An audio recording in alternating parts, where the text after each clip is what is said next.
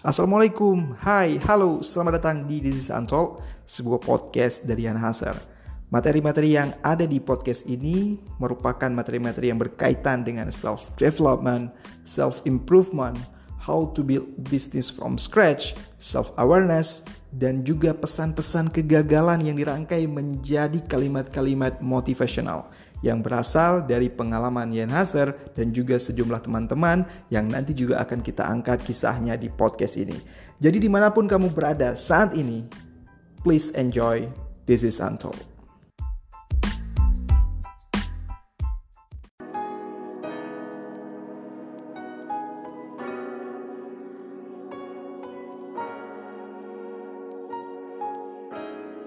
Passion sering menjadi alasan kenapa seseorang quit dari sebuah pekerjaan.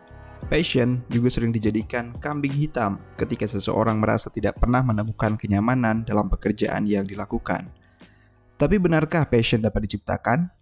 Kali ini saya berbincang dengan CEO Bagi Data, Ikhwan Reza.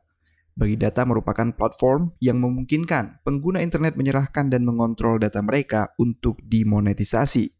Saat ini, data yang dapat diinvestasikan adalah sosial media dan juga struk belanjaan online maupun offline. Bagaimana Ikhwan di usianya yang masih sangat muda bisa menemukan kegemarannya di bidang usaha rintisan teknologi? Benarkah ini menjadi passionnya? Selamat datang Iwan Reza di Santo. Siapa Anda? Coba perkenalkan diri Anda dulu dah ke segenap pendengar kita. Saya seorang ya bisa dibilang startup antusias. Saya suka suka crafting ideas okay. crafting ideas. Dan mencoba untuk me, apa namanya mewujudkan ide gitu. Hmm. walaupun nggak tahu sukses apa enggak ya tapi coba aja dulu gitu kan. Siapa tahu bisa. Ya humble sekali. Langsung ngomongnya nggak tahu.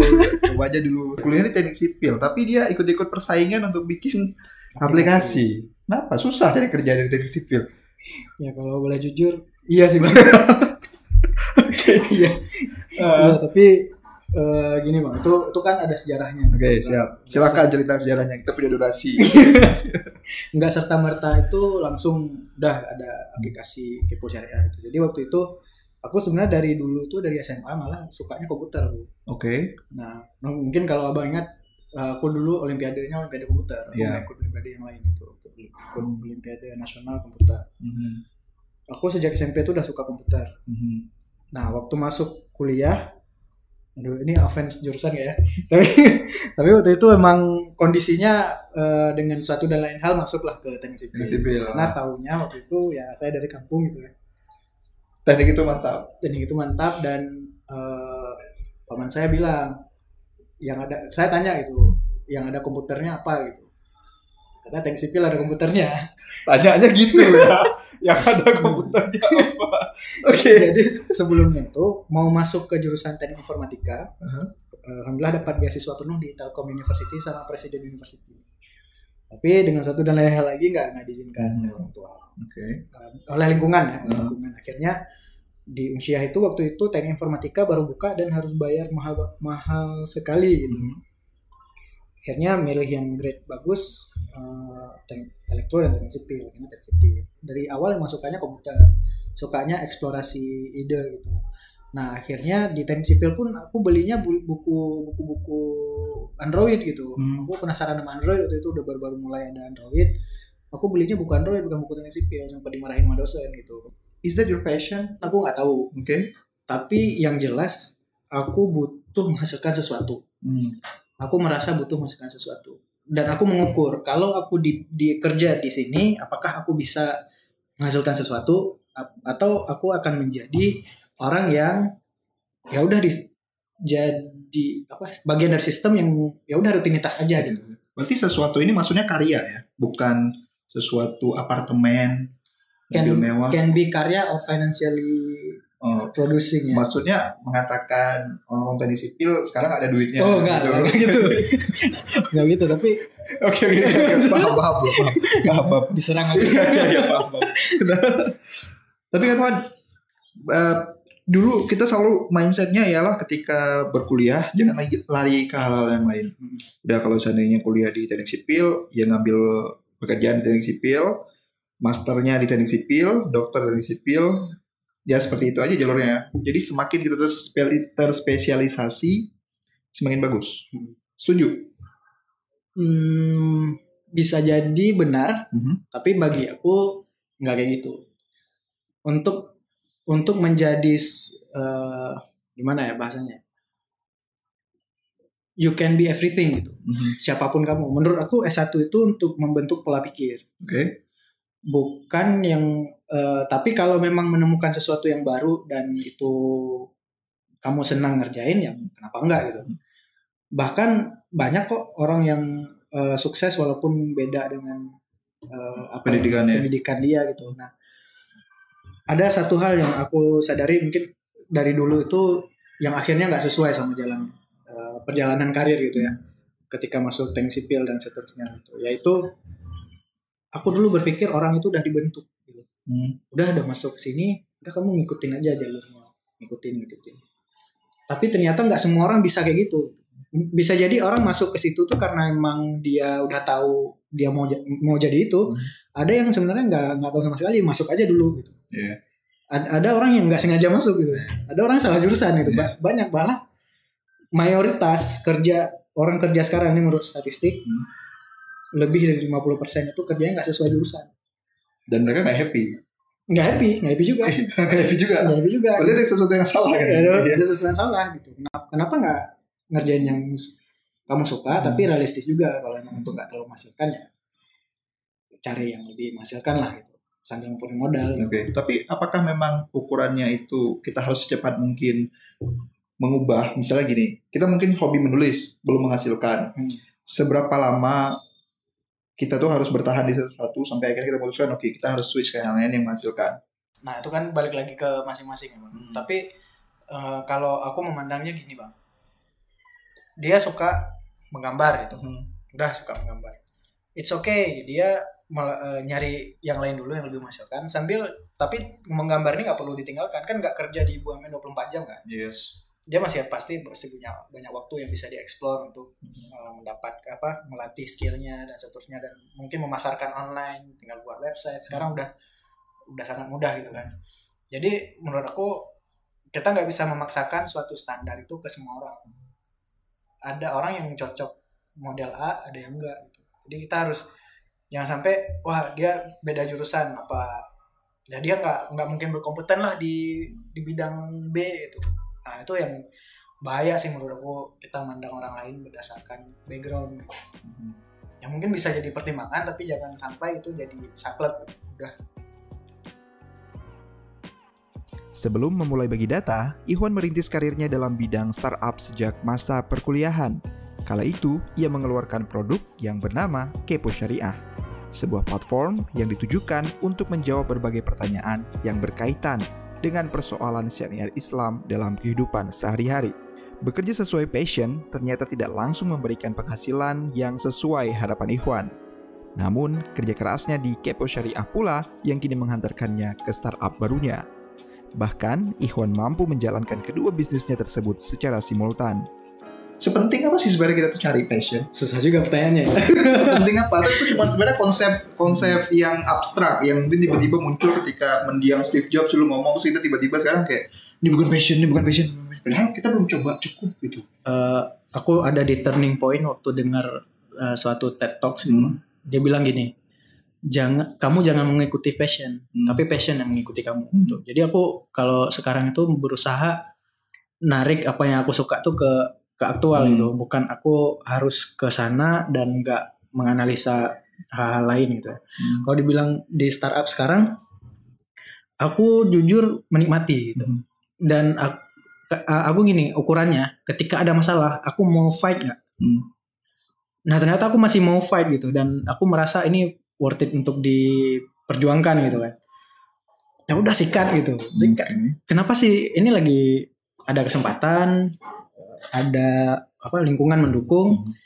sikat aja gitu. Kalau dibilang ini passion apa enggak, harus jadi passion gitu. Mhm. Karena emang dari awal aku pengennya bikin creating ideas, bikin sesuatu yang baru, bikin sesuatu yang menurut aku worth it untuk diperjuangkan. Ya udah sikat. Oke. Mungkin beda kondisinya ketika ada orang yang suka juga bikin creating ideas, tapi mungkin belum menghasilkan. Nah ini kan ibaratnya pilihan yang ngeri-ngeri sedap kan. Ya. Dia harus ngambil atau dia harus bertahan.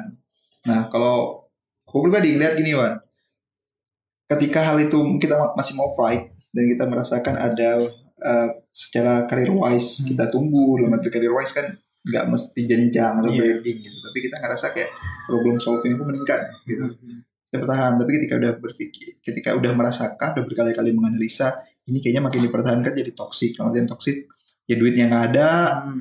tekanan batin juga mungkin Iya. bilang, itu mungkin harus pindah dulu ke yang lain kan nggak masalah kan tapi dia terbalik lagi Hmm. ke itu ke hal yang sudah lama Di kalangan millennials, mengikuti passion identik dengan menjadi seorang wirausaha. Ini dibuktikan oleh riset Indonesia Millennial Reports yang dikeluarkan IDN Times bahwa 55,4% milenial di Indonesia ingin menjadi pengusaha demi mewujudkan passionnya.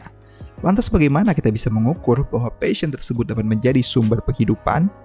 Setuju. Jadi eh, kalau aku pribadi sih ngeset metrik, Pak. Hmm, oh ini ini penting nih kalau produk manajemen kan matriksnya dulu ya, kita coba pasang metrik lah. Ah, Sekarang mau maunya apa gitu. Kalau Oke. mau diukur dari penghasilan, oke dari berapa uang yang kita dapat. Ya udah pasang pasang gitu. pesan setinggi tingginya Pasang setinggi-tingginya dalam jangka waktu sekian. Hmm. Tercapai apa enggak? Enggak Hmm. tercapai. Balik lagi ada metrik lain enggak? Ternyata eh, kayak tadi eh, soft skill aku meningkat. Hmm. aku dapat banyak pelatihan di sini Hmm. aku banyak dapat insight baru di sini Hmm. aku worth it lah untuk lanjutin dulu gitu Oke. lanjutin jadi jangan sampai juga eh, ada ada teman bang wirausahanya semangatnya luar biasa Hmm. Semangat ya. semangatnya luar biasa Iya. untuk wirausaha tapi eh, kurang memperhatikan metrik kali ya Hmm. Eh, jadi untuk beli pulsa aja nggak ada gitu padahal Oh. jadi gimana ya kalau ada satu mentor aku bilang ya kamu sta- eh, startup gitu hasilnya mungkin oke tahun depan dan Hmm. seterusnya tapi untuk hari ini kamu harus makan gitu Yes. untuk hari ini kamu harus makan jadi kamu harus eh, punya hitungan tersendiri gitu jangan sampai kayak kayak tadi semangat semangat tapi untuk keluarganya aja nggak nggak ada itu itu kan men- menurut aku sih menzalimi Ya nggak terpikirkan metrik-metrik tadi ya. Ah, menzalimi orang lain gitu kan makanya har- eh, aku nggak banyak yang bilang nih antara jadi PNS apa jadi wirausaha udah pasti bagus jadi wirausaha nggak semuanya juga Yes. ah. nggak semuanya juga jadi perhatikan aja apa yang karena kalau semua orang ke wirausaha siapa yang jadi PNS Iya. jadi ya be wise lah dengan pilihan kita pilih yang paling sesuai dengan lingkungan dan jangan lupa terus upgrade diri gitu pasang metrik uh, tahun depan aku harus berkembang kayak kayak apa gitu usaha usahain capai gitu. Tapi setuju sih dengan mengatakan bahwa jadi pengusaha itu untuk semua orang. Karena harus siap dengan ketidakpastian, Hmm. harus siap dengan ada jam kerja yang panjang, ada mungkin kita nggak tahu ini sekarang harus ngerjain apa. Hmm. Rasanya nggak Iya. selesai kayak gitu ya kan. Benar. Itu jadi memang nggak bisa juga berpikir sepenuhnya semua orang jadi pengusaha dia akan lebih lebih mapan, lebih bahagia. Malah mungkin ada yang ketika dia memaksakan untuk jadi pengusaha berantakan, berantakan ya kan? iya jadi harus terima juga bahwa jadi maksudnya gini jangan sampai nanti bunuh diri gara-gara wah aku nggak jadi pengusaha Ah. aku berarti nggak nggak worth it hidup di dunia ini dan seterusnya santuy aja Santuy aja. Kesimpulannya apa nih? kesimpulannya don't follow your face, your passion tapi passion follows you Oke, jadi j- kita jangan follow passion. Ya ngapain saya ulang lagi ya? Kalau kita lihat dari perbincangan tadi, memang berkali-kali yang disampaikan itu ialah hmm, mungkin Ikhwan salah satu orang yang di awal terlihat eh, agak berbeda nih pendidikan dan apa yang dirintis. Tapi akhirnya dia menemukan jalannya. ya Ya kan? alhamdulillah Alhamdulillah. Makanya, Ini contohnya mungkin don't follow your, your passion, but be so good they can ignore you. yes Itu kalau kata Cal Newport kan. Oke. Jadi lu emang udah bagus sekarang akhirnya dilihat sama orang. Nah di sisi lain juga kita tuh nggak sehar nggak seharusnya memaksakan diri untuk bagus di pengusaha ya kan Wan? Hmm. Boleh jadi mungkin kita bagusnya di four level eksekutif.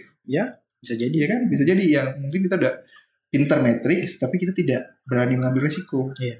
setuju Ada sinergitas bagus kan kayak Facebook meng-hire Sheryl Sandberg bagus kalau Facebook. bagus jadi jang, eh, seolah-olah nih kalau udah eh, kerja sebagai pegawai gitu atau PNS gitu Hina gitu. itu hina enggak juga jangan-jangan dia bisa berkarya lebih bagus lagi di sana gitu Yes. ini udah Ka- karena gini, waktu merintis usaha kan ngitung pe- penjualan. Yes. Itu kan sebenarnya kerjaan, Yes. kerjaan finance. Mhm. Kamu bisa hire orang lain, maksudnya kamu bisa juga di hire orang lain mengerjakan yang sama. Jadi bisnis dan kerja menurutku sama aja sih. Iya. Tinggal bisa menghasilkan apa, karya atau penghasilan dan sebagainya. Kamu yang menentukan gitu kan. Oke, Bang. Terima kasih ya untuk perbincangan yang sukses terus bagi data, Siap. bagi cuan. Habis ini